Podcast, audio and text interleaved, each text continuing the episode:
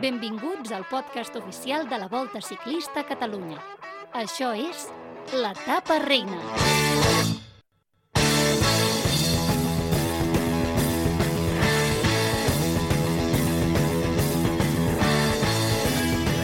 Hola, hola, com esteu? Benvingudes i benvinguts al segon capítol d'aquest podcast oficial de la Volta a Catalunya. Som l'etapa reina, us presento el Roger Castillo, què tal? Molt bé, molt bé. El Marc Vives, bona tarda. Bona tarda. El Sergi Soler Com estem? i jo mateix, que em dic Lluís Àries, i, ojo, el Mariano Cañardo de les Palanques, el Josep Montano, aquí el teniu. Ídol, eh? Ídol i referent entre els tècnics de so del país. Aquest és el segon capítol d'aquest podcast i atenció, perquè si en el primer tot eren preguntes, en aquest tot són respostes, perquè ja s'ha presentat oficialment la Volta a Catalunya 2023. Houston,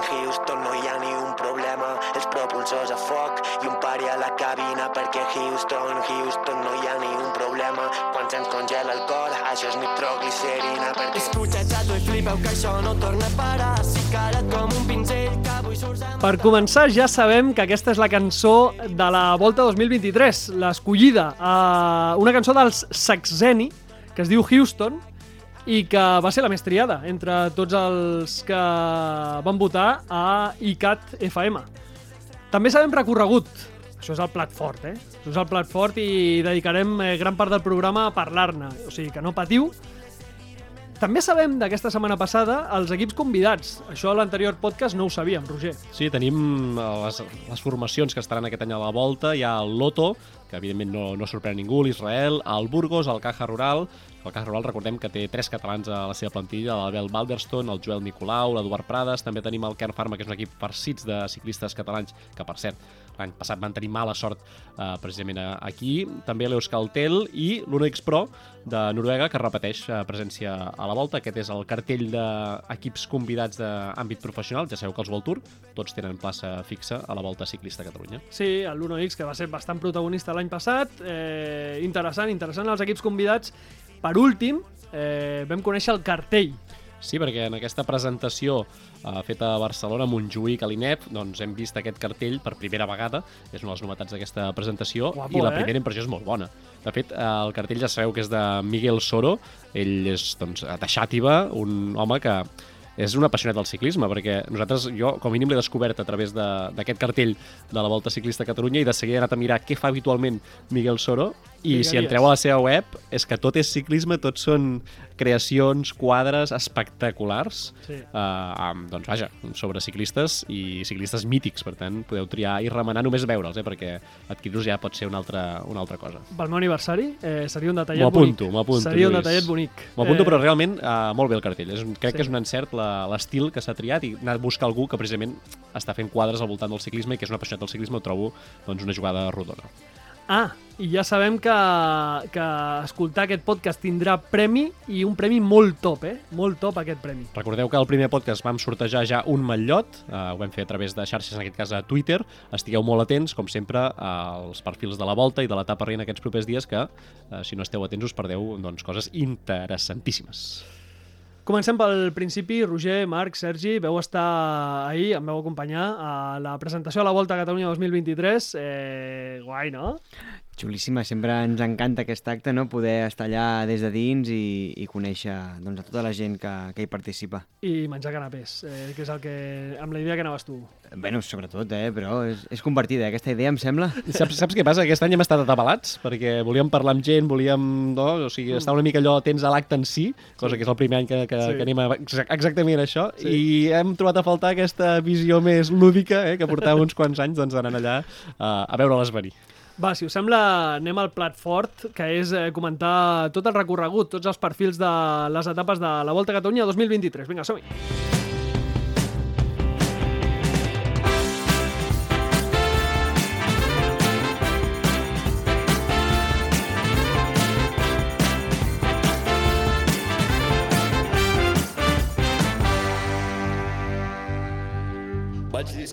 Queda un mes i mig pel 20 de març, que és el primer dia, la primera etapa de la Volta a Catalunya.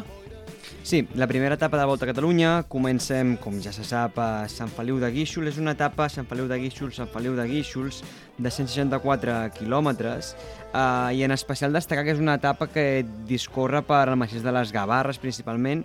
Hi ha diferents ports, l'alt de Santa Pallaia, l'alt dels Àngels, l'alt de la Ganga i l'alt de Romanyà, per tant és un perfil molt, molt trencacames. També passen per localitats doncs, eh, importants, Caçà de la Selva, la Bisbal de l'Empordà, Celrà, Uh, per tant, i evidentment Sant Feliu de Guíxols, que és on comença l'etapa.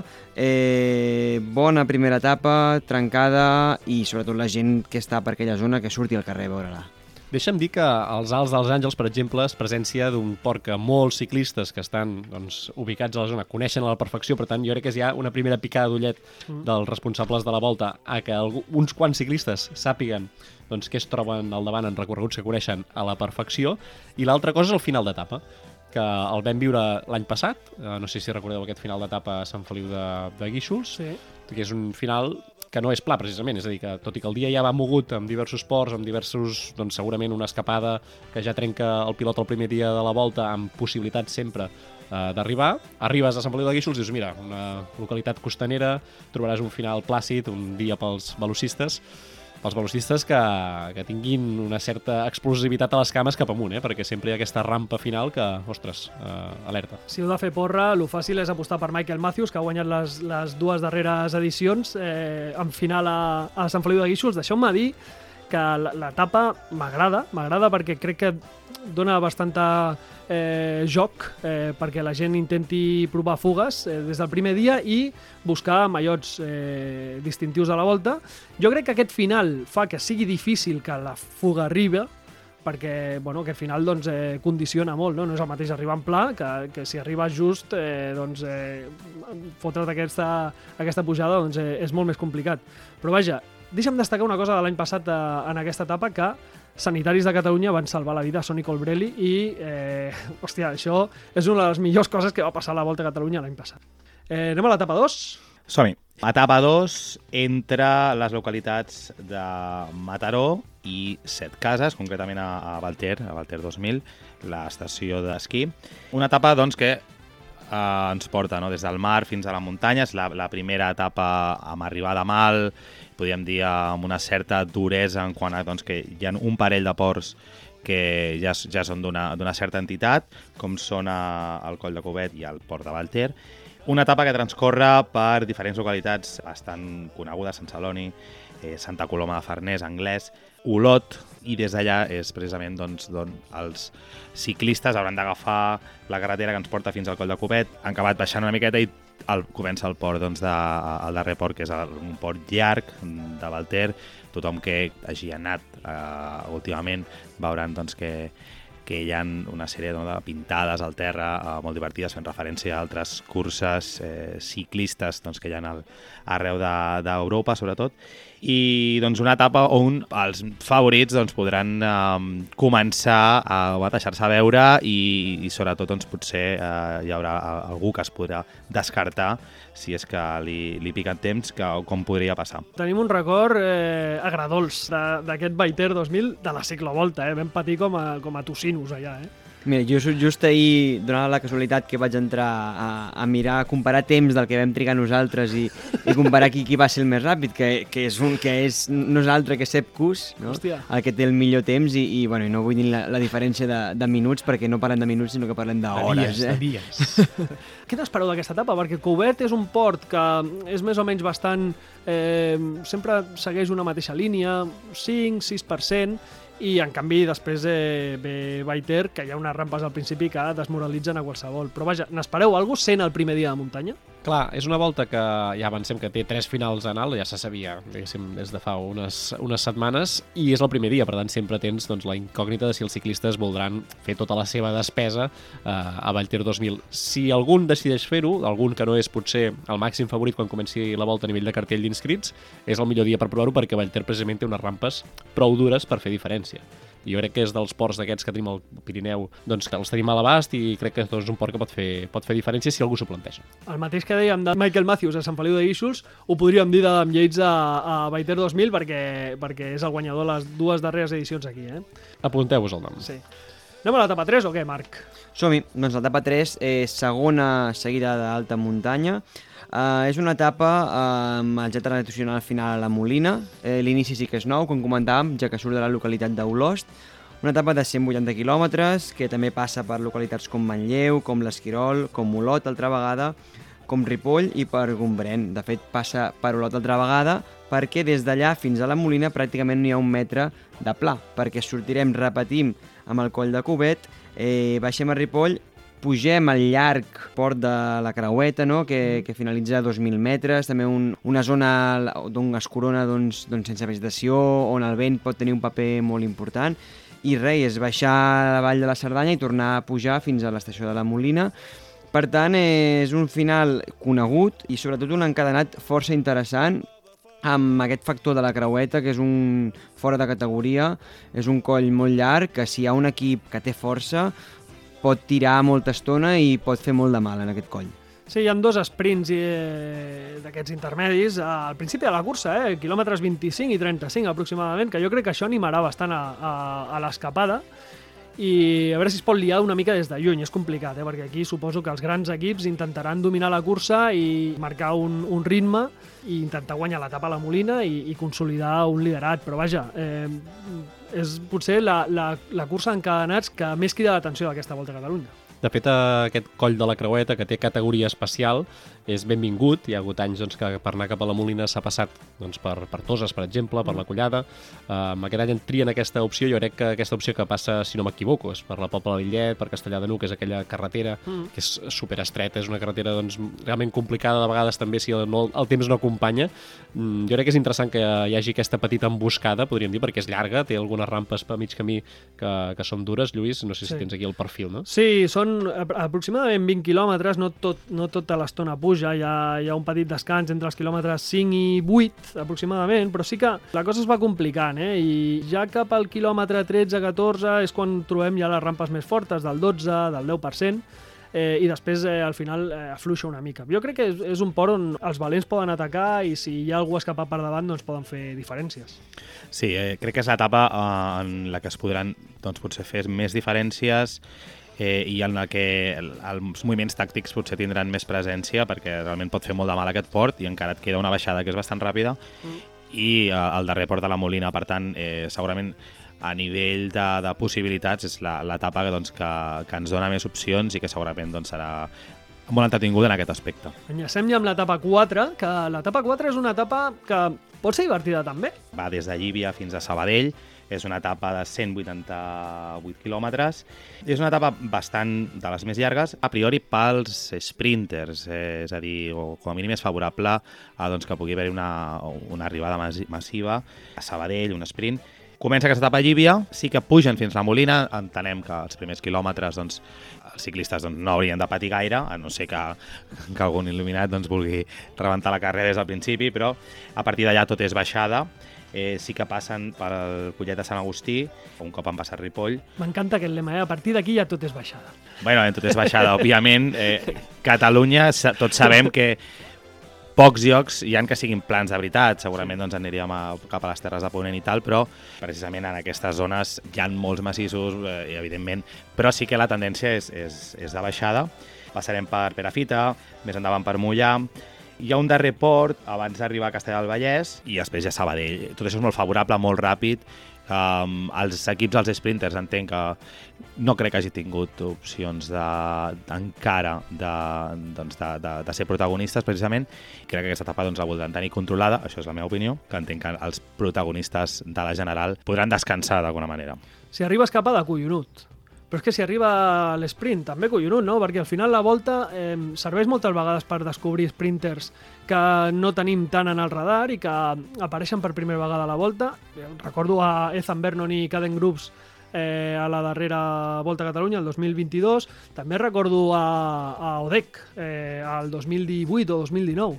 Hi ha hagut Eh, molts noms de sí. la història d'aquest perfil que guanyen una o dues etapes a la volta, es presenten, diguéssim, en societat com a velocistes importants als seus equips i després fan més temporada, més recorregut, més eh, trajectòria en funció de les seves capacitats, però a la volta sempre troben aquell espai, aquell dia, perquè normalment és un o dos dies com a màxim en què poden brillar. És el dia, és el millor dia que tenen, per tant que no ho desaprofitin. Pot ser un dia maco pel Brustenga. Pot ser què un no? dia maco. Per què no? Eh, L'etapa 5, Marc, som-hi. Doncs el retorn a les Terres de l'Ebre, eh, tercera etapa en final a, en alta muntanya, a l'Oport, eh, inicia Tortosa, recorre doncs, Terres de l'Ebre, el que vindria a ser a Baix-Ebre, a Montsià, Ribera d'Ebre, a Terra Alta, eh, passant per Gandesa, Miravet, Mora la Nova, eh, Tortosa i Amposta, com comentàvem, re un parell de ports de tercera i, però sobretot, la, la final de l'arribada a l'Oport, que, que sí que és cert que no es puja fins a les antenes, eh, s'arriba a uns 1.000 metres, que és a, a la del Moscà, però no deixen de ser 8 quilòmetres seguits, amb 8, 9, 10% de mitjana, eh, per tant, eh, una pujada brutal, molt dura. Després de 160 quilòmetres, eh, eh, ojo, eh, eh, les, les, les rampes constants pràcticament a partir del quilòmetre 8-9, fins al quilòmetre 8-9 puja molt, molt pausat, diguéssim, al port, però a partir d'aquí ja eh, gairebé és constant un 9, 10, 11%, per tant, aquí s'ha de decidir la volta. Això és l'etapa reina de la volta o no? Aquesta és l'etapa que ha de decidir la classificació final si hi han diferències, perquè entenem que aquesta volta té un recorregut per fer diferències, a diferència d'altres anys que s'ha resolt per un segon, per 3, per 10 o pels que siguin. Aquí, aquest any a la volta, hi podria haver algun guanyador de forma més consolidada si el dia de l'Oport ataca de baix i comença a posar un ritme que ningú pugui seguir. Si és així, les diferències són, són abismals. És un port que, sabeu que històricament havia anat lligat a noms colombians, a Chizabas a l'any 85 i a Lucho Herrera el 91, i que es va recuperar ara farà 6 anys, amb el 2017, amb aquella edició que va acabar també a l'Oport i que va guanyar Alejandro Valverde, que vam veure un Marc Soler també estel·lar, doncs és un port que quan s'ha disputat ha donat un espectacle majúscul. És un port preciós, és un port que molts ciclistes i molts aficionats reclamen any rere any que estigui a la volta. Per tant, gaudim-lo, perquè és una cinquena etapa, arriba després d'haver fet els Pirineus, no és el port d'aquesta volta, és el tercer gran port d'aquesta volta va a final d'etapa, i crec que tot això, la duresa acumulada i aquell dia en qüestió, mmm, ens ha d'oferir una etapa sensacional. Serà, una, serà un dia sensacional i jo deia, "Host, serà l'etapa reina la de les Terres de l'Ebre en final a l'aeroport, però és que, clar, és que després ve l'etapa 6, és que no podem ser imparcials, és que no podem. No podem, Lluís, perquè l'etapa 6, que comença a Martorell, eh, resulta que acaba a Molins de Rei. Per primera vegada a la història acaba una etapa de la volta doncs, al nostre, a la nostra vila i estem doncs, molt contents, eh, massa contents, jo crec, i, i la liarem I una tu, miqueta. I tu veus Martorell Molins i et pots imaginar, hòstia, aquesta etapa Clar, exacte, dius, vostè va- passaran per un, pel Vallès, alguns llocs, vale, xulos, no. Se'n va fins a Lleida gairebé, bueno, a Lleida, fins a la província de Lleida, Sí, sí, sí. passant per la Panadella. Um, en acabat, tornen, van fins ja doncs, a tot el que és Anoia, eh, baixa fins a Sant Quintí de Mediona, Sant Sadurní de Noia, aquí doncs, tenim la sort doncs, que això ens queda bastant a prop i, i és xulíssima aquesta zona, precisament, doncs, mm, molts revolts, un terreny molt escarpat, és una etapa aquesta realment amb, amb molt de desnivell eh, positiu, una etapa trencacames molt dura, crec, um, doncs uh, avui quan ens l'han presentat uh, realment m'ha sobtat que la duresa d'aquesta etapa, una etapa que segurament eh, preveiem una victòria de Thomas de Gent, Hòstia, ens seria- agradaria molt. Um, però en tot cas, una etapa que té un, fina, uns final, un final doncs, molt interessant, perquè precisament ja quan s'apropen aquí a Molins, després de Sant Sadurní, pugen la Creu Aragall, a Corbera, un port eh, d'una certa duresa, no és molt llarg, però puja bastant, baixen fins a Pallejà i allà doncs, eh, tenim un, un port curtet, Uh, però molt explosiu, sobretot els primers, eh, els primers dos quilòmetres, amb rampes que fins i tot arriben al, al 20%, és l'alt de Font Pineda, 235 metres, o sigui, no és molt alt, però realment és bastant explosiu en els primers trams, depenent doncs, de com vagi l'etapa, si hi ha una escapada, una escapada en grup, doncs eh, serà un, un port decisiu i a partir d'aquí doncs, ja baixen fins a Molins de Rei, on tindrem doncs, una arribada eh, plena de gent, de gom a bom. A- Animem aquí a la gent doncs, de Molins i de la comarca doncs, que, que s'apropi, nosaltres hi serem. 15 quilòmetres des de Fontpineda fins a Molins. Eh, creieu que pot passar alguna cosa similar al que va passar l'any passat? Perquè això és una etapa després de l'Oport, amb ressaca. Eh, en principi ja s'ha acabat la muntanya, la gent ja està tranquil·la, la general doncs, eh, creuen que ja està tot fet, però recordeu el que va passar l'any passat a Cambrils, eh, que es va liar tot, amiguita Carapaz i Lucas Plap. Eh? Eh, va ser una etapa molt interessant aquella i per perfil pot donar joc. Pot donar joc, també a veure la meteo que faci, no? Aquell l'any passat, recordem, va ser un dia de molt fred, també, sí. eh, evidentment això influirà. M'agrada molt la, la definició del circuit, eh, crec que aquí tots nosaltres doncs, hem passat per aquests ports o els coneixem, ja sé bé si en bici, caminant, és un terreny que ens coneixem, i es pot fer molt dur, eh? es pot fer molt dur i podem endur-nos alguna sorpresa, per què no? Mm. I l'etapa 7, Marc? Doncs al final eh, ja clàssic el circuit de, de Montjuïc, sortint de Barcelona i acabant a Barcelona, passant eh, altre cop pel Baix Llobregat, per Viladecans, per Cervelló, per Vegas i finalitzant doncs, en el circuit ja clàssic de Montjuïc on faran un total de, de sis voltes en el final doncs, a l'Avinguda Maria Cristina allà davant del, del museu. Mira, us recomano que, si podeu anar-hi al, al circuit de Montjuïc, perquè és un dia que es disfruta molt el ciclisme allà. I no només cal que aneu al castell, eh? O sigui, no només ho disfrutareu a dalt, si, si heu d'anar a baix, doncs aneu a baix. Té un lloc que t'agrada molt. A mi hi ha un, un lloc que m'agrada És que molt. l'hem anat descobrint i, Sí. i estem bé allà, no? Sí, perquè la gent ve cascada de la pujada al castell, després fan una baixadeta i llavors fan la volta al, a l'estadi olímpic. Sí, que hi ha, un, hi ha una rampa. Hi ha una rampa que ja se'ls hi veu la cara com dient, hòstia, aquesta Per rampa, què?" per què, no? Sí, I sí. a- aquell lloc m'agrada molt. I a més és ample, allà estareu amples, no tindreu gent al costat, allà disfrutareu també, eh? Vull dir que és un dia que heu d'anar a veure ciclisme. Recomanació doble, teniu temps d'anar a la pujada de Vegas, us podeu quedar a Bruguers, per exemple, que és un lloc preciós, amb un nom fantàstic, i des d'allà a Bruguers doncs, veure com passen els ciclistes, després agafar la bici, anar cap al circuit de, de Montjuïc, que hi arribareu a temps i que val la pena. Fiquem eh, una nota ràpida de l'1 al 10 a la Volta a Catalunya a priori, el que heu vist eh, sobre un paper. Saps què passa? Que dir notes, quan ara som un podcast oficial de la Volta, clar, clar, clar. queda, queda falsejat, però jo, honestament, diré que és un recorregut que m'agrada. Que altre, altres anys, si ens heu seguit a la taparrina, hi ha vegades que jo el recorregut de la Volta... Hem ho- ho- criticat certes hem criticat certes claro, coses tal. A mi aquest any, a la, diguéssim, tot el que són els set dies, la forma com estan enllaçats, els dies, hi ha un dia a Sabadell per passar de Pirineus cap a l'Oport amb tres dies d'alta muntanya. M'encanta, és a dir, l'últim, l'única coseta que trobaria a faltar, evidentment, seria alguna crona o alguna cosa que trenqués aquest ritme d'etapes en línia, però m'agrada molt. La duresa de les etapes, m'agrada molt. Les etapes teòricament intrascendents, totes tenen ports de muntanya i algunes emboscades interessants, es passa per carreteres eh, generalment petites en molts dies i a més a més doncs, té aquest punt doncs, de no saber què passarà com mínim fins al divendres i ja veurem en funció del nivell esportiu que hi hagi si un cop més el circuit de Montjuïc serà decisiu o no, però en tot cas sempre ofereix espectacle, per tant és un dia grandíssim de ciclisme assegurat al 100%. Com us hem dit, dimecres vam ser a la presentació de la Volta, anàvem principalment a menjar canapés, però, ja que érem allà, vam decidir gravar unes quantes coses. I segurament amb protagonistes especials, els que estan a l'altra banda, els que són periodistes. I del que vam gravar n'ha sortit això.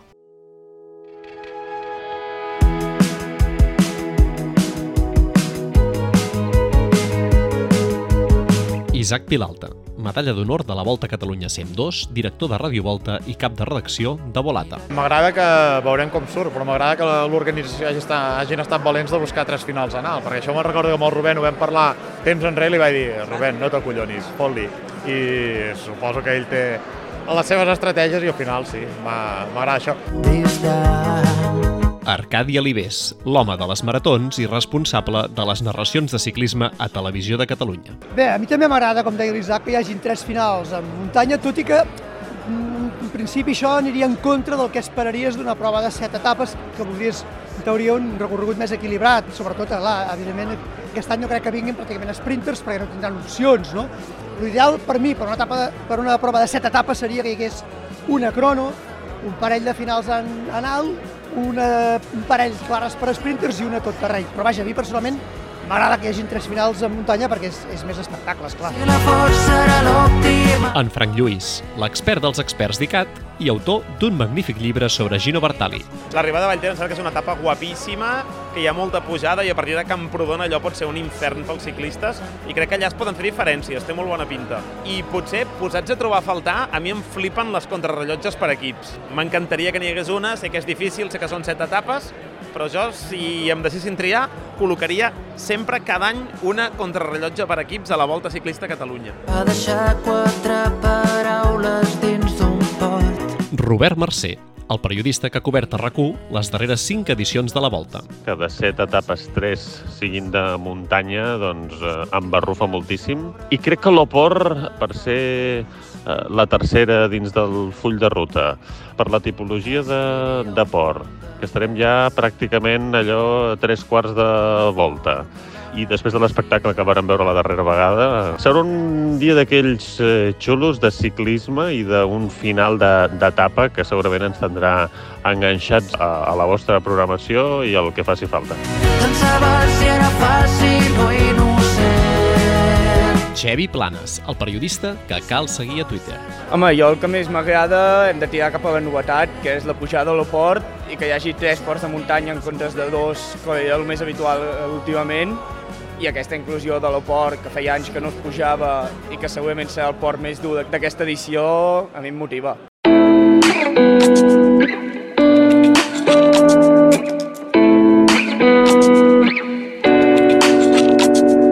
Des de l'etapa reina ho havíem de preguntar. Quina serà l'etapa reina de la volta? M'agradaria, perquè tingués un xitxa, que fos la de Molins, però amb tanta muntanya hi ha molt desnivell. Potser fins i tot el primer dia, el de Vallter, hi ha rampes molt dures i ens trobem ja diferències que d'alguna manera bloquegen la carrera, però és que l'Oport podria dir el mateix. Per tant, eh, va, apostem per l'Oport que tinguem més dies de festa. Qualsevol de les tres de muntanya ho podria ser. Jo penso que la primera serà més de tanteig. No crec que el primer dia comenci a haver-hi ja atacs com per fer diferències grans, sinó una mica a veure com està la gent.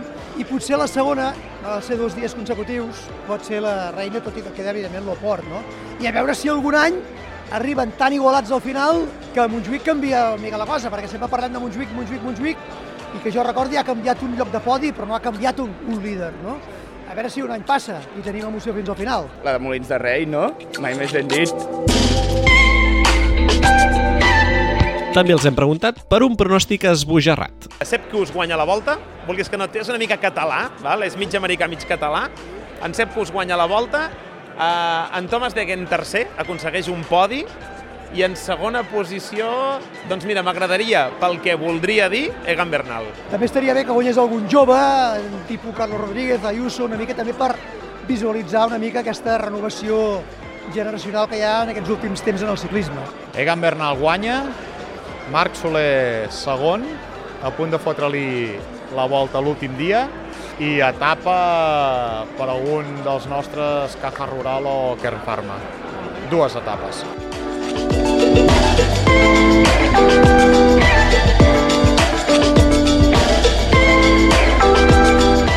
Va, i la darrera. Qui guanyaria la Volta Ciclista a Catalunya si la disputessin els periodistes? Home, l'Isaac, per què no?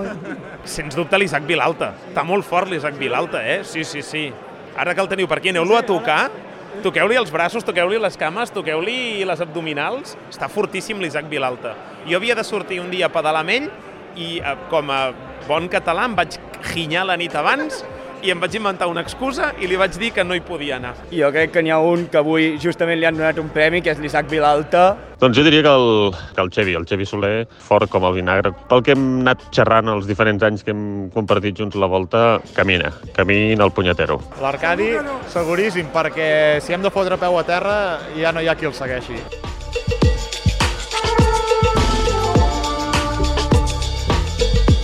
A la presentació a la Volta el que vam fer també és aprofitar per parlar amb el president de la Volta a Catalunya, el senyor Rubén Peris. Sí que ens va atendre molt amablement, eh, estava atabalat perquè hi havia moltes coses a fer aquell dia, va intervenir, va haver d'atendre moltes sol·licituds allà, però ens va fer un espai per parlar i ens va dir això.